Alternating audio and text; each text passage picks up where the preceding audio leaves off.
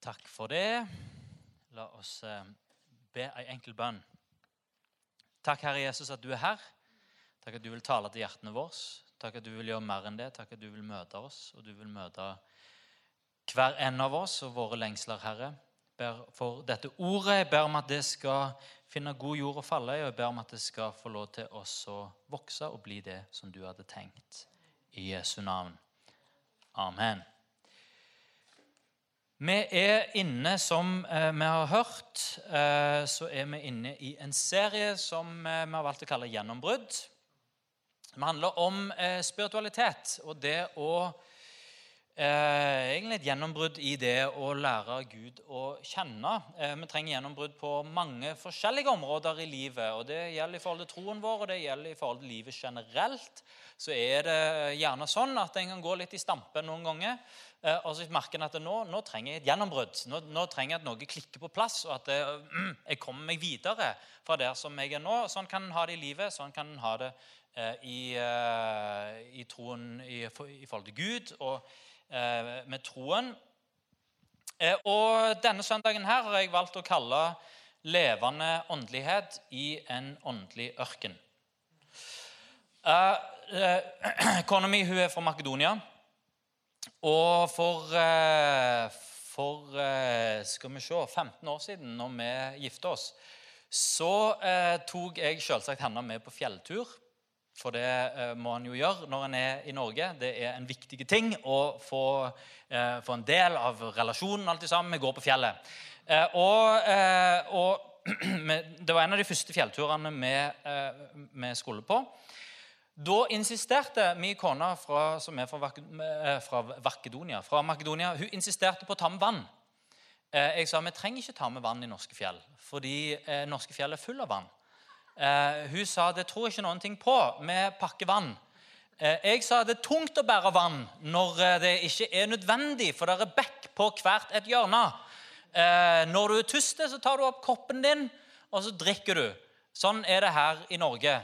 Uh, og så uh, dro vi på tur uten vann, for det at mannen bestemmer. Nei da. Uh, akkurat der så var det turmannen som, som Og uansett så var det jeg som hadde sekken, så jeg bestemte. og Så begynte vi å bli tuste, og så fant vi ikke vann. og Så kom vi fram der vi skulle, og så var det ikke vann der heller. Ikke var det vann på tilbaketuren. Og siden det så har min kone aldri stolt på meg en eneste gang. Når det kommer til fjellet og jeg sier at vi trenger ikke ta med vann, der er vann der, så nei, jeg tar med vann, sier jeg. Ok, ta med vann. Uh, I sommer så var jeg på tur i Makedonia, gikk på fjelltur der. Da forsto jeg hvorfor hun sa 'ta med vann'. Uh, for vi skulle opp på en fjelltopp som var 2400 meter høy. Den fjelltoppen heter Eselet. Når vi gikk oppover der, så forsto jeg hvorfor det heter Eselet. Det var veldig bratt. og det var 35 varmegrader når vi begynte.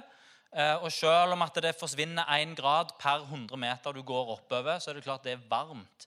Og det var knusktørt overalt. Altså, Jeg hadde koppen min med i sekken, men det var ingen plass å duppe den. Eh, det, ene, det, det, det, var sand. Du kunne drikke sand. Har du ikke da med deg vann, eh, og det er, er, ikke grønt noen plass, det er bare brunt rundt deg, og sola svir og alt rundt deg er brunsvidd, og svetten siler, og Eselfjellet er høyt, eh, da kommer det til et punkt der du bare merker at strupen den er tørre. Og Da holder det ikke med bare en sånn sentrumsflaske med vann. Da bør du helst ha en halvannen liter, og jeg hadde med to halvannen liter. bare sånn for å være på sikre side, og jeg tror nesten alt forsvant. Jeg vil påstå at vi lever i ei åndelig tørr tid. Eller kanskje på et åndelig tørt sted der det er behov for vann. Eh, litt som et makedonsk fjell. Min erfaring med Gud det er at det, det går i bølger. Eh, min erfaring med Gud er at plutselig skjer det noe. Og så får han lov å være med på masse gøye ting. og, så, og når en liksom er med på dette, så føler en plutselig at det, Wow, jeg har forstått alt. Å, se på Uh, the man of power for the hour. Og her, Gud har salva meg til å gjøre svære ting.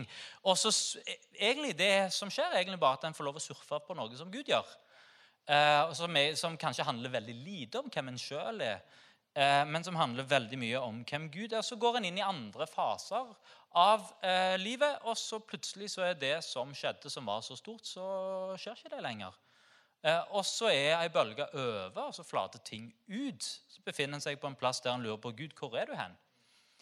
Eh, der er Noe vi kan lære av det. det er at det handler ikke, Når vi har med Gud å gjøre, så handler det ikke om våre kvalifikasjoner, hvor flinke vi er, hvor dyktige vi er, hva vi klarer å få til å skape. Eh, det å lære å forholde seg til Gud handler mer om å lære seg å surfe enn å prøve å pumpe opp bølger. Så hva skjer når bølger uteblir? Hva skjer når det tørker inn? Hva skjer når livet med Gud føles som et makedonsk fjell og ikke som et norsk fjell? Jeg vet ikke om du opplever det å være kristen på denne måten her, men jeg er sikker på eh, at det er flere enn meg som har oppdaget at livet med Gud Og dette er egentlig ikke bare livet med Gud, men livet generelt eh, kan være litt sånn som dette. Eh, ting skjer i bølger. Da trenger en å lære seg, å forholde, lære seg til å forholde seg til tørre ødemark. Og finne ut av sann åndelighet og levende åndelig når det er åndelig tørt rundt oss. Kan vi finne levende, levende åndelighet i en åndelig ødemark? Det er altså da spørsmålet fra, for denne søndagen. Og For å finne ut av det så må vi til en åndelig tørr tekst full av åndelig liv. Og Da går vi til Jesaja 35. Og Her står det kommer på skjermen òg, og jeg leser i Jesu navn. Ørken og tørt land skal glede seg, ødemarken skal juble og blomstre. Som liljen skal den blomstre og juble, ja, rope fryd. Libanons herlighet har han fått, Karmels og Sarons glans. De skal få se Herrens herlighet, vår Guds glans. Styrk de slappe hender, gjør de utstøk knær sterke. Si til de urolige hjerter, vær sterke, ikke redde. Se deres Gud. Eh, her eh, er det rot i unge Kvammens eh, papirer. Dette var særdeles lite rutinert. Se deres Gud, han kommer med hevn, med gjengjeld fra Gud. Selv kommer han og frelser dere. Legg merke til denne lille detaljen i teksten her. Gud kommer med hevn og med gjengjeldelse. Han, hva er Guds hevn? Eh, for dette er litt interessant når vi leser gjennom Gammeltestamentet. Vi ser Gud som er hevnens Gud, som kommer med gjengjeldelse. Han kommer og frelser dere. Er ikke det en vakker form for gjengjeldelse og hevn? Guds hevn og gjengjeldelse, det er nåde og frelse. Da skal blindes øyne åpnes og døve ører lukkes opp. Da skal den lamme springe som en hjort, og den stummes tunge skal juble, for vann bryter fram i ørkenen, og bekker i ødemarken. Glødende sand blir til innsjø og tørstland til kilder med vann. Sjakalas boplass blir et hvilested hvor gresset gror mellom rør og siv. Og det skal være en vei, den hellige vei skal den kalles. På den skal ingen uren ferdes. Skal, eh, den skal være der for de og ingen som går på veien, sjøl ikke dårer, skal gå seg vill. Der skal det ikke være noen løver, rovdyr skal ikke gå på han. De skal ikke finnes mer, men de som er løst ut, skal gå der. De som Herren har fridd ut, skal vende tilbake. De kommer til Sion med jubel, med evig glede om sin panne. Fryd og glede griper de, sorg og sukk må flykte. Skal vi se sånn For en fantastisk tekst. Dette er poesi på sitt vakreste.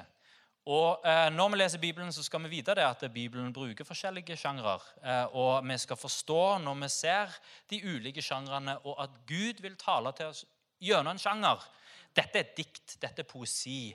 Eh, dette er billedlig. Altså det, det, her snakker vi om noe som, som, Gud snakker om åndelige ting med noen veldig praktiske ord, og noe som vi kan se på Planet Earth. Eh, nemlig når en ørken som er tørre, blir, eh, der kommer regn, og det blir grønt, og det blir fint. Min bibelkommentar, som for øvrig er en særdeles bra bibelkommentar, eh, studiebibel, den, eh, Hvis du lurer på hvilken det er, kan du komme og spørre meg etterpå. så kan jeg anbefale den, kan du kjøpe den, og så kan du lese igjen. Eh, den sier om denne teksten her at eh, Eh, en er usikker på om denne skal presses inn i en bokstavelig historisk betydning. Eh, og For denne bibelkommentaren så er det ganske uvanlig, for det er nesten alle ting som en leser, så har en en veldig klar og tydelig eh, historiske kontekst som dette er sagt inn i. Her så ja, det er litt vanskelig å finne ut av. Det kan handle om jødenes tilbakekomst til Israel etter 70 år i eksil i Babylon. Det kan være det trenger ikke være det. Det kan handle om Guds, om, om Guds rikes fremtidige komme. Det kan hende, men det er ikke sikkert. Dette er rett og slett, mener bibelkommentarene, det er ånd, et åndelig et, eh, et, et dikt, poesi, som snakker om å stole på Gud når det er tørt. Når ting er vanskelig. Det handler om blandingen av eh, fruktløshet og fruktbarhet. Det handler om blandingen, et kapittel om det som er allerede nå, men ikke ennå. Eller kanskje motsatt vei, egentlig. Det som er ikke ennå, men som er, likevel er allerede nå. I fjor så leste, eh, eller hørte meg og kona mi Vesna gjennom eh, Vi lasta ned en app som heter The Bible in One Year. Eh, utrolig bra app. Den fins der ennå. Det kan, kan bare eh, anbefales. Der eh, Hver dag så kan en klikke seg inn og få eh, noen bibeltekster på øret. Og så får en noen enkle, korte andakter knytta til disse eh, bibeltekstene. En fantastisk måte å starte dagen på. Hvis du ikke liker å lese Bibelen, så er dette nydelig. Du kan høre Bibelen. I tillegg så får en da en, denne andakten. Eh, for med 20 minutter studiestedet sitt eller til jobb på morgenen så er det perfekte ting å sette i øret eh, som en god start på dagen. Eh, og Av alle disse andaktene da, gjennom et helt år så, eh, så, husker jeg nesten ingen av dem. De var bra alle sammen. Men altså, er jo, eh, det er jo Ja, det var bra. Hva, var det, hva handla det om, da? Nei, jeg husker ikke. Men det var bra. Men det var en ting som satte seg fra ett år med The Bible in One Year. Pippa og Nikki Gumbel som har hver av disse andaktene, og de er meget bra. Men den ene dagen så snakket Nikki Gumbel om 'battle and blessings'. Og at livet vårt kan ofte oppsummeres i battles and blessings. Eh, I kamper, strider der ting er vanskelig utfordrende, og velsignelse. Der en får lov å surfe på ei bølge av suksess. Og der opplevelsene og følelsene følger med i liksom, Oi, nå er det velsignelse. Og at vi kan spørre oss sjøl, og vi kan spørre egentlig andre òg. Hva slags sesong av livet er en inne i nå? Er det a battle, eller er det a blessing? Eh, og dette, kjære kirke, det tenker jeg det er viktig at vi kan omfavne. At livet er begge deler. Eh, livet med Gud kan være en tørr ødemark, og det kan være en blomstrende hage. Eh, og I teksten her fra Jesaja 35 så leser vi om denne hellige veien som går igjennom, og eh, som de rettferdige og de hellige skal gå på. De som har slappe eh, hva det står for noe, slappe skuldre og veike knær og et urolig hjerte. De kan gå på denne hellige veien. Og den hadde jeg lyst å, eh, å bare hente noen ting ut av eh, denne søndagen. Den veien, den går i ødemarken. Og det er viktig å få med seg. Denne teksten handler om ørken. Denne teksten handler om tørt land. Denne teksten handler om livløshet i tørke. Og etter hvert som jeg snakker om tørt, tørt, tørt Du kjenner bare hvordan det eh, klumper seg i munnen, og hvordan det smaker støv. Eh, og hvordan en blir Oi, dette her er tørt, tørt, tørt. Og det er en del av livet. Veien, Denne hellige veien den går gjennom ødemarken. Ødemarken er reell. Det tørre land er reelt. Vi må ikke la oss forlede av den eh, moderne, vestlige, historiske myten av at livet er en jakt på nytelse og på lykke. Eh, å jakte lykke det er som å jakte regnbuen. Eh, du ser han er der, å, så vakker han er, jeg har lyst på regnbuen. Og så springer han bort for å ta tak på regnbuen, men det er bare at når du har kommet til der du så regnbuen var, så har han flytta seg. Eh, og sånn blir livet vårt hvis vi jakter lykke. Den eh, jødiske eh, psykologen Viktor Frankel, som eh, overlevde Auschwitz, Eh, han, eh, han, eh, han, skrev en bok etterpå som egentlig ikke handler om å overleve Auschwitz, men som handler om mening. Der han løfter fram det å ha en dypere mening i livet sitt som høyeste, den høyeste driften i et menneskes liv. For han så i Auschwitz, når de ikke hadde mat og ikke ble behandla dårlig, og det var flere som bare gikk i modus av å følge sine mer dyriske instinkter, grafse til seg mat, eh, gjøre det en kan for å overleve, så la Viktor Frankel merke til det at de menneskene som hadde en dypere mening, noe dypere, en dypere mening å leve for, en høyere mening å leve for, de menneskene var, var stoiske og i møte med de verste omstendigheter og klarte å bevare sin menneskelighet og sin frihet. Eh, og han beskriver det til og med sånn at eh, han så mennesker som var fanger i Auschwitz, som var, hadde større frihet enn fangevokterne som passet på dem. Eh, og, og, hva var denne sterke driften? Eh, jo, den sterke driften var det å ha en mening. For, eh, for, den ene så var det kanskje en forfatter som visste jeg har en bok som jeg ikke har skrevet. Den boka er så viktig. For en, annen, for en akademiker så, så, så var det jeg, jeg, jeg, har et studie som jeg må fullføre, som er viktig. For noen så var det kanskje familie som var på utsida, som en levde for. Jeg må overleve dette her og komme meg gjennom, for jeg må treffe familien min. Eh, og, og, det, og, det, var mennesker med tro på Gud, som, der troen på Gud var en dypere mening som gjorde en kom seg igjennom. Et mening, og Hva er poenget med mening her og ødemark og alt dette? Jo, for et meningsfullt liv er ikke et trøbbelfritt liv. Det er ikke et friksjonsfritt liv, det er ikke et liv uten kamp. Mening vil bære med seg eh, både lykke, og det vil bære med seg glede eh, og velsignelse, men samtidig òg trøbbel, friksjon og kamp. Battle and blessing. Ikke bli skuffa på Gud hvis det å følge Gud eh, fører med seg trøbbel, friksjon og kamp og litt ødemark. Eh, og sier ikke at du Det hørte jeg ikke noen ting om. At det kristne livet skulle være, at livet med Gud skulle være sånn. At du hører det nå. Eh, at livet med Gud er av og til sånn. For det veien går gjennom ødemark. Den som vil tro på Gud, må lære seg å forholde seg til ødemark. Det er derfor de som tror på Gud, kalles for ødemarkens menn og kvinner. Ja, det er et TV-program. Et veldig bra et, må jeg få lov til å si. Nå vet jeg om eh, Viktor Frankel mener dette, men jeg mener dette. Mening er guddommelig. Eh, fordi vi kan ikke finne Jo, eh, det er akkurat det vi kan. Vi kan ikke skape mening. Vi kan ikke forme mening. Vi kan ikke ta en hvilken som helst ting og så bare gjøre mening ut av det. Men det vi kan gjøre, vi kan lete og vi kan finne mening. Mennesker som tror på Gud, kan finne mening. Mennesker som ikke tror på Gud, kan òg finne mening. Og der en finner og oppdager mening, der kan en òg finne Gud. Det er jo guddommelig, for det er Gud som har skapt det. Så eh, la oss jakte et eh, et eh, Skal vi se Et, et uh, meningsfullt liv. Hva er den ødemarken? Ødemarken er tre t-er som jeg kan huske på.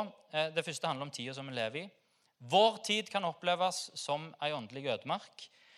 I det norske folkedypet så tror jeg fortsatt det fins en åndelighet som er åpen for at det må finnes noe mer, og en åndelighet som leter etter Gud, og som kanskje til og med lengter etter Gud.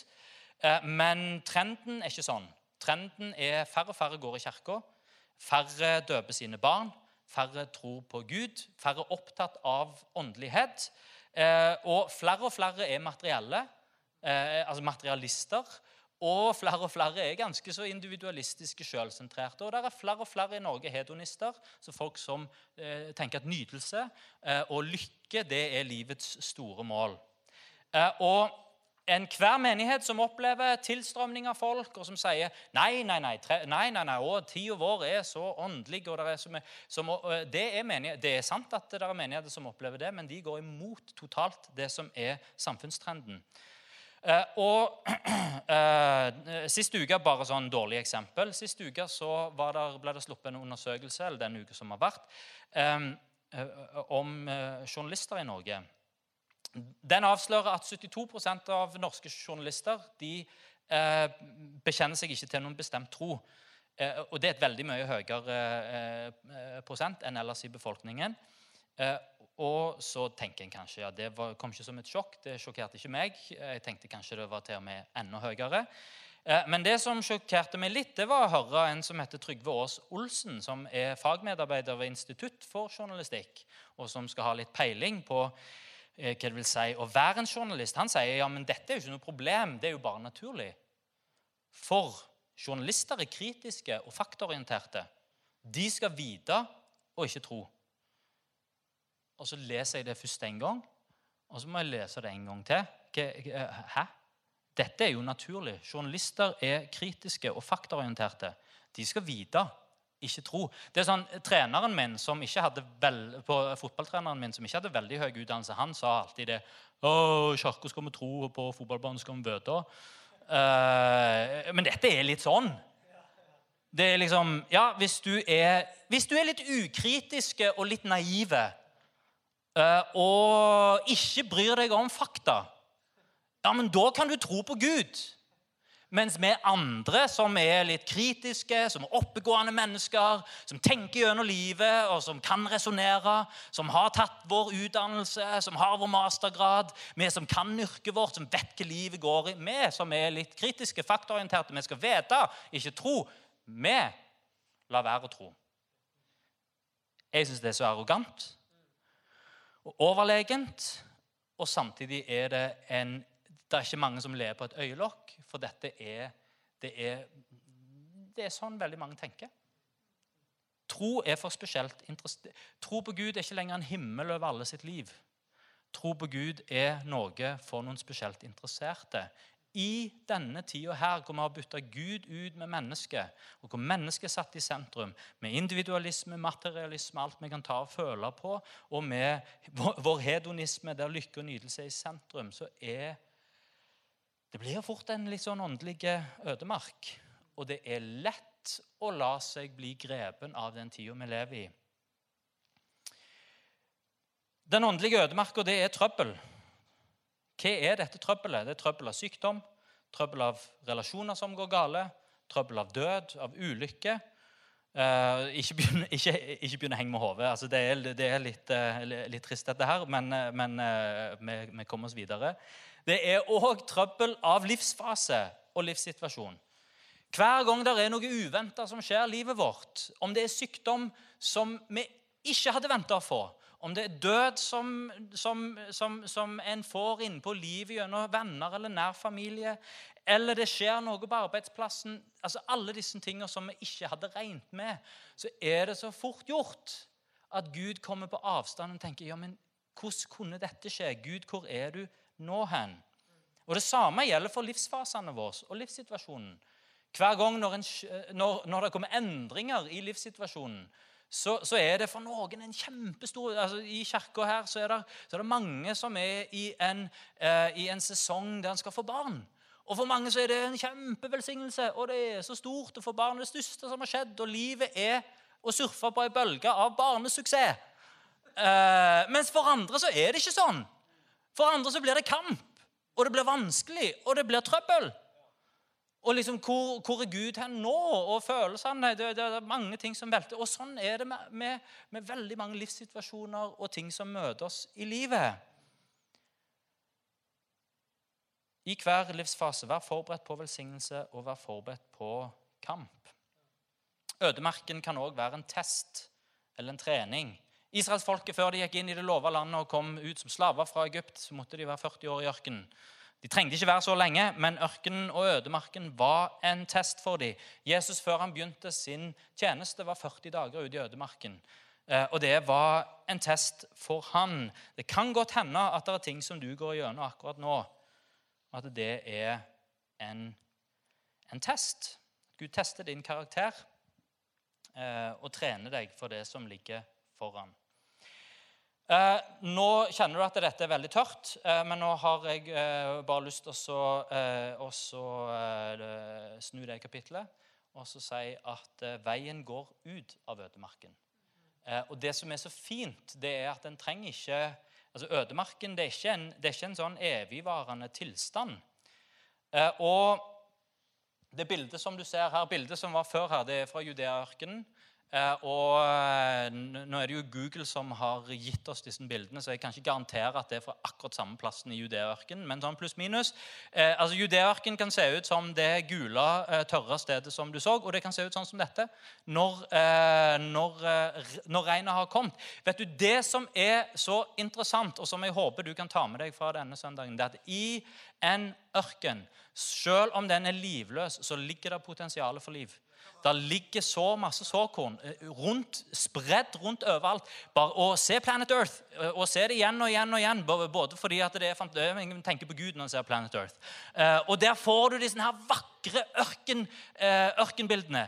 Ørkenen gold og fæle, og så regner det, og dagen etterpå voff, så alt grønt. Og det er jungel omtrent. Eh, gamle elveleier som bare fylles med vann. Der det var helt tørt, der er det plutselig elv, og det er grønt rundt overalt, og dyr og fugler, og der er alt mulig som kommer fra blomster, farger, bare av en liten ting regn. Og av en annen ting òg. At i marka, selv om det var tørt, der ligger det potensialet for liv. Og Det har jeg lyst til å si i ditt trøbbel så ligger det potensial for liv. I den testen som en kanskje går igjennom akkurat nå, så ligger det potensial for liv i den tida som vi lever i, som kan virke så sekulære og så tørre og så lite interessert i Gud som det går an. I den tida så ligger det potensial for liv, og hele forskjellen er rein. Og når vi leser oss inn i den bibelske teksten og den bibelske poesiverden og den bibelske billedverden, så vet vi at regnet det er et bilde på Den hellige ånd. Halleluja. Og Når Den hellige ånd kommer, det er som regn. Det er derfor vi sang i gamle dager. og jeg mener, meg og Thomas krangler om dette. Eh, og hvis vi krangler skikkelig, så vinner jeg. Eh, det er derfor jeg mener vi må synge sånne sanger som 'Send ditt regn' og 'Regn, regn, regn' og 'Regn'. Vi må synge om regn! For vi trenger det når en opplever at livet er tørt, og en opplever at forholdet til Gud er tørt. Send dit regn ifra himmelen. Eh, ja, det kan vi òg gjøre, for det er jo det dette regnet er bildet på. På torsdag så er det Kristi himmelfartsdag. Da skal vi huske på dette Jesus sa til sine disipler før han drog for å være med sin far. Det er godt at jeg drar.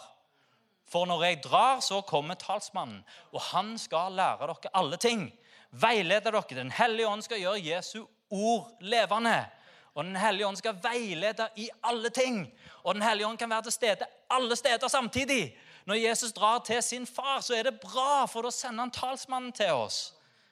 Og så er det bare noen uker etterpå så har en pinse, og så feirer en Og uh, husk det, at pinse er akkurat som ødemarksgreiene. Fordi at uh, spira til kirka den ble, ble, lagt allerede når Jesus kom til jorda. Allerede før det, med profetiene i Gammeltestamentet, fra begynnelsen. Og så, uh, og så, har Jesus sin død og sin oppstandelse. Han gjør alt klart, men det skjer ikke noe særlig etterpå. Spira den ligger der, og så kommer pinsedag, og da kommer Den hellige ånd som et regn. Uh, og hva skjer da? Da blir kirka født. Kirka sin fødselsdag det er ikke påske, ikke jul, men det er pinse. Da blir kirka født.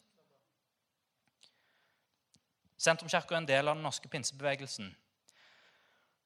Og Den norske og den europeiske pinsebevegelsen kan spore sine røtter tilbake til en opplevelse som minner om det som vi leser om i apostelgjerningene. TB Barrat, Thomas Ball Barrat, eh, en høyt respekterte metodistprest fra eh, Oslo. Eller det heter ikke Oslo på den tida, dette er over 100 år siden. Det heter det Kristiania. Jeg syns jo det er et mye kulere navn enn Oslo. Det burde hett det fortsatt. Eh, han var fra Kristiania. Uh, og for at du skal forstå hvem Thomas Ball Barrat er Han var fra en engelske overklassefamilie. De kom til Norge fordi hans foreldre eller hans far var bedriftsleder.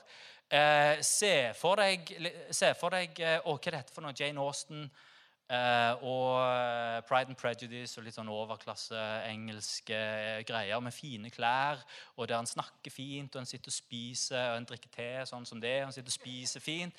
Eh, og så er det noen som setter seg ned med pianoet. Altså, Dette er eh, familien som Thomas Bahl Barrat vokste opp i. Opptatt av kunst, opptatt av kultur, opptatt av musikk. Eh, TB Barrat sjøl var opplært, lærte å spille piano fra Edvard Grieg.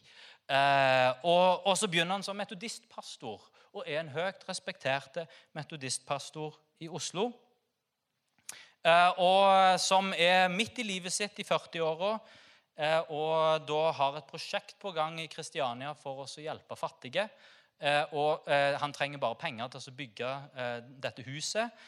Og det som han gjør når du trenger penger, og som alle fornuftige mennesker gjør når han trenger penger Han dro til USA og drog rundt og prøvde å samle penger i amerikanske menigheter. og Lyktes særdeles dårlig med det. Og etter han hadde vært i USA en god stund, så var han pengeløs. Eh, og litt desillusjonert. Gud, du sendte meg jo til USA for å samle penger til dette huset som vi skal bygge til de nære, for å hjelpe fattige i Oslo. Eh, og dette var i 1906. Eh, så, så det som det som TB Barrat oppdagte når han ikke fikk inn pengene han trengte Han hørte om at Gud gjorde noe på andre sida av kysten. Han var på vestkysten. På østkysten i LA så var det en unge afroamerikanske eh, fattige ung afroamerikanske hellighetsforkynner, blind på det ene øyet, som hadde åpnet opp med møter i en selvsagt, Dette her er kristen historie på sitt beste i en stall. Når Gud skal gjøre noe, så gjør han det alltid i en stall. Eh, der var det møter hver dag, og der kom folk fra, LA, fra hele landet og litt sånn utenfor landets grenser òg, kom for å møte Gud.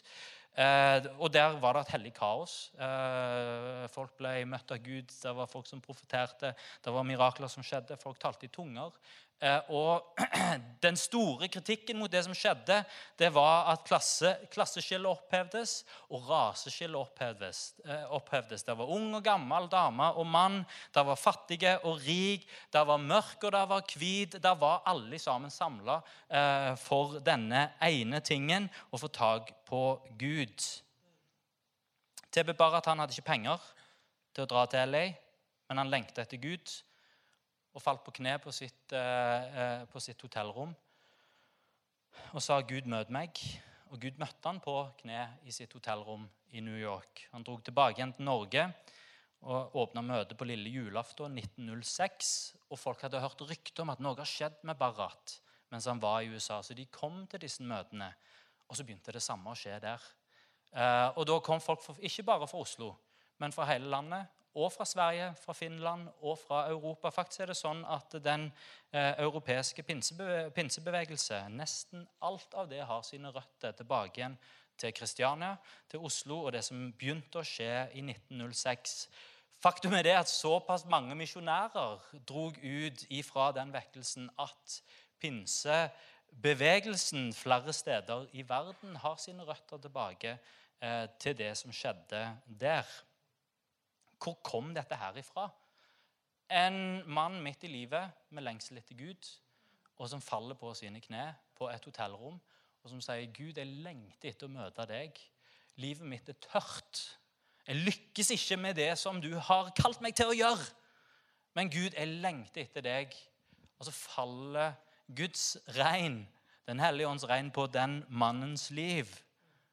Og så vokser det fram noe vakkert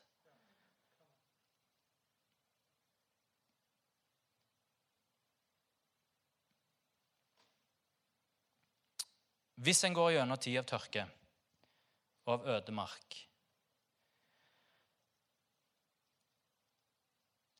Den hellige ånd er tilgjengelig akkurat nå.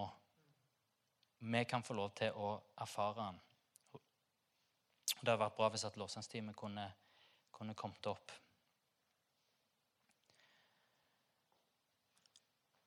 Jeg vet for min egen del Når jeg var elleve år, så tok jeg bestemmelse om å følge Jesus. Og jeg visste at det, dette er nå, nå, nå, bestemmer jeg meg. Dette vil jeg, dette vil jeg. Jeg vil følge Jesus. Eh, og rundt den samme tida så, så var det en innbydelse til å få et møte med Gud. Og jeg responderte på den innbydelsen. Det var noen som kom og la hendene sine på meg. Og jeg vet at noe skjedde. Eh, og jeg kunne kjenne det på innsida. Jeg begynte forsiktig å tale i tunger. Noen tenker kanskje at det er litt eh, mystisk, og det er det. Det er jo egentlig rart. Snakke språk som du ikke forstår. Men så er det, det er jo nydelig òg. Det er et bønnespråk hvor en kan koble med Gud uten å måtte gå Det er jo, det er jo interessant, for det, det, er, det er jo hjerneforskere som har skanna pinsevenner som taler i tunger. Altså Alt det som det forskes på. og Det forskes òg på disse tingene. Eh, og det er interessant. Fordi at da, kan en se at det er liksom andre deler av hjernen som er i, eh, som er i, eh, i aktivitet enn når en snakker vanlig. Så her, her, eh, så, så her er det interessante greier. Det, det, skal vi ikke dukke inn i nå. Det som jeg kan si, er at det er en bibelske fortelling om at eh, på pinsedag så ble de fulgt med Den hellige ånd og de talte med tunge. Det er tilgjengelig for oss i dag, og det skjedde med meg når jeg var 11. Og siden da så har tungetalen vært med meg som en del av det daglige bønnespråket. Men det skjedde noe mer. Jeg ble modig til å dele troen med de som jeg gikk i klasse med. Jeg åpna Bibelen, og jeg forsto det som jeg leste. Jeg forsto det som en 11-12-åring, ja, men det var samtidig noe som ble levende.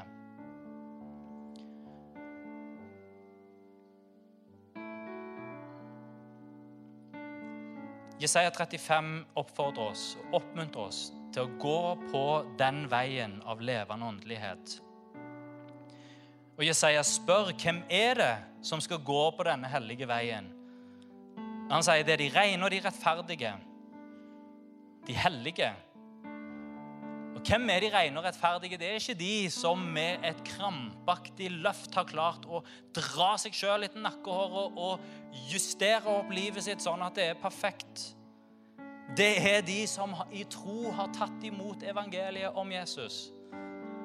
I tro har tatt imot det som han gjorde på korset som er hellige og rettferdige, ikke i sin egen kraft og hva en sjøl har fått til, men som har tatt imot hans hellighet og hans rettferdighet, de kan få lov til å gå på den veien.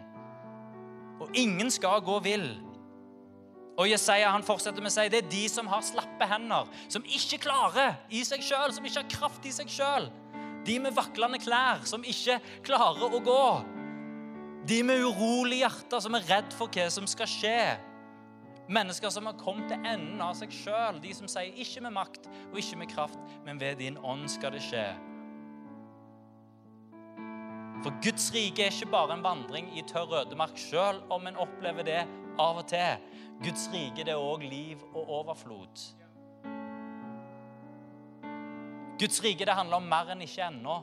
Det handler òg om allerede nå. Og jeg har lyst til å oppmuntre oss til når livet gir oss tørke, når vandringen med Gud gir oss en tørre ødemark, la det tørre og tørken la det føre til at en blir tyste. Ikke at jeg fjerner meg vekk fra Gud. Gud, hvor er du nå? Nå var du så langt vekke. Gud, jeg, ah, jeg vet ikke om jeg kan tro på deg. Men når det er tørke i livet, når det er tørt rundt meg, ja, men da blir jeg tyste. Jeg lengter etter å kjenne deg og lengter etter en berøring av deg. Salme 42 sier som hjorten lengter etter vann, etter bekker med vann, lengter min sjel etter deg, min Gud. Og Salme 63 beskriver dette sånn. Gud, du er min Gud som jeg søker. Min sjel tyster etter deg, min kropp lengter etter deg i et vannløst, tørt og utarma land. Når det tørker, kan vi vite at det i det som ser ut som en ødemark, så ligger det potensial for liv. Vi trenger bare at Den hellige ånd får regne på oss, kan vi ta oss og reise oss.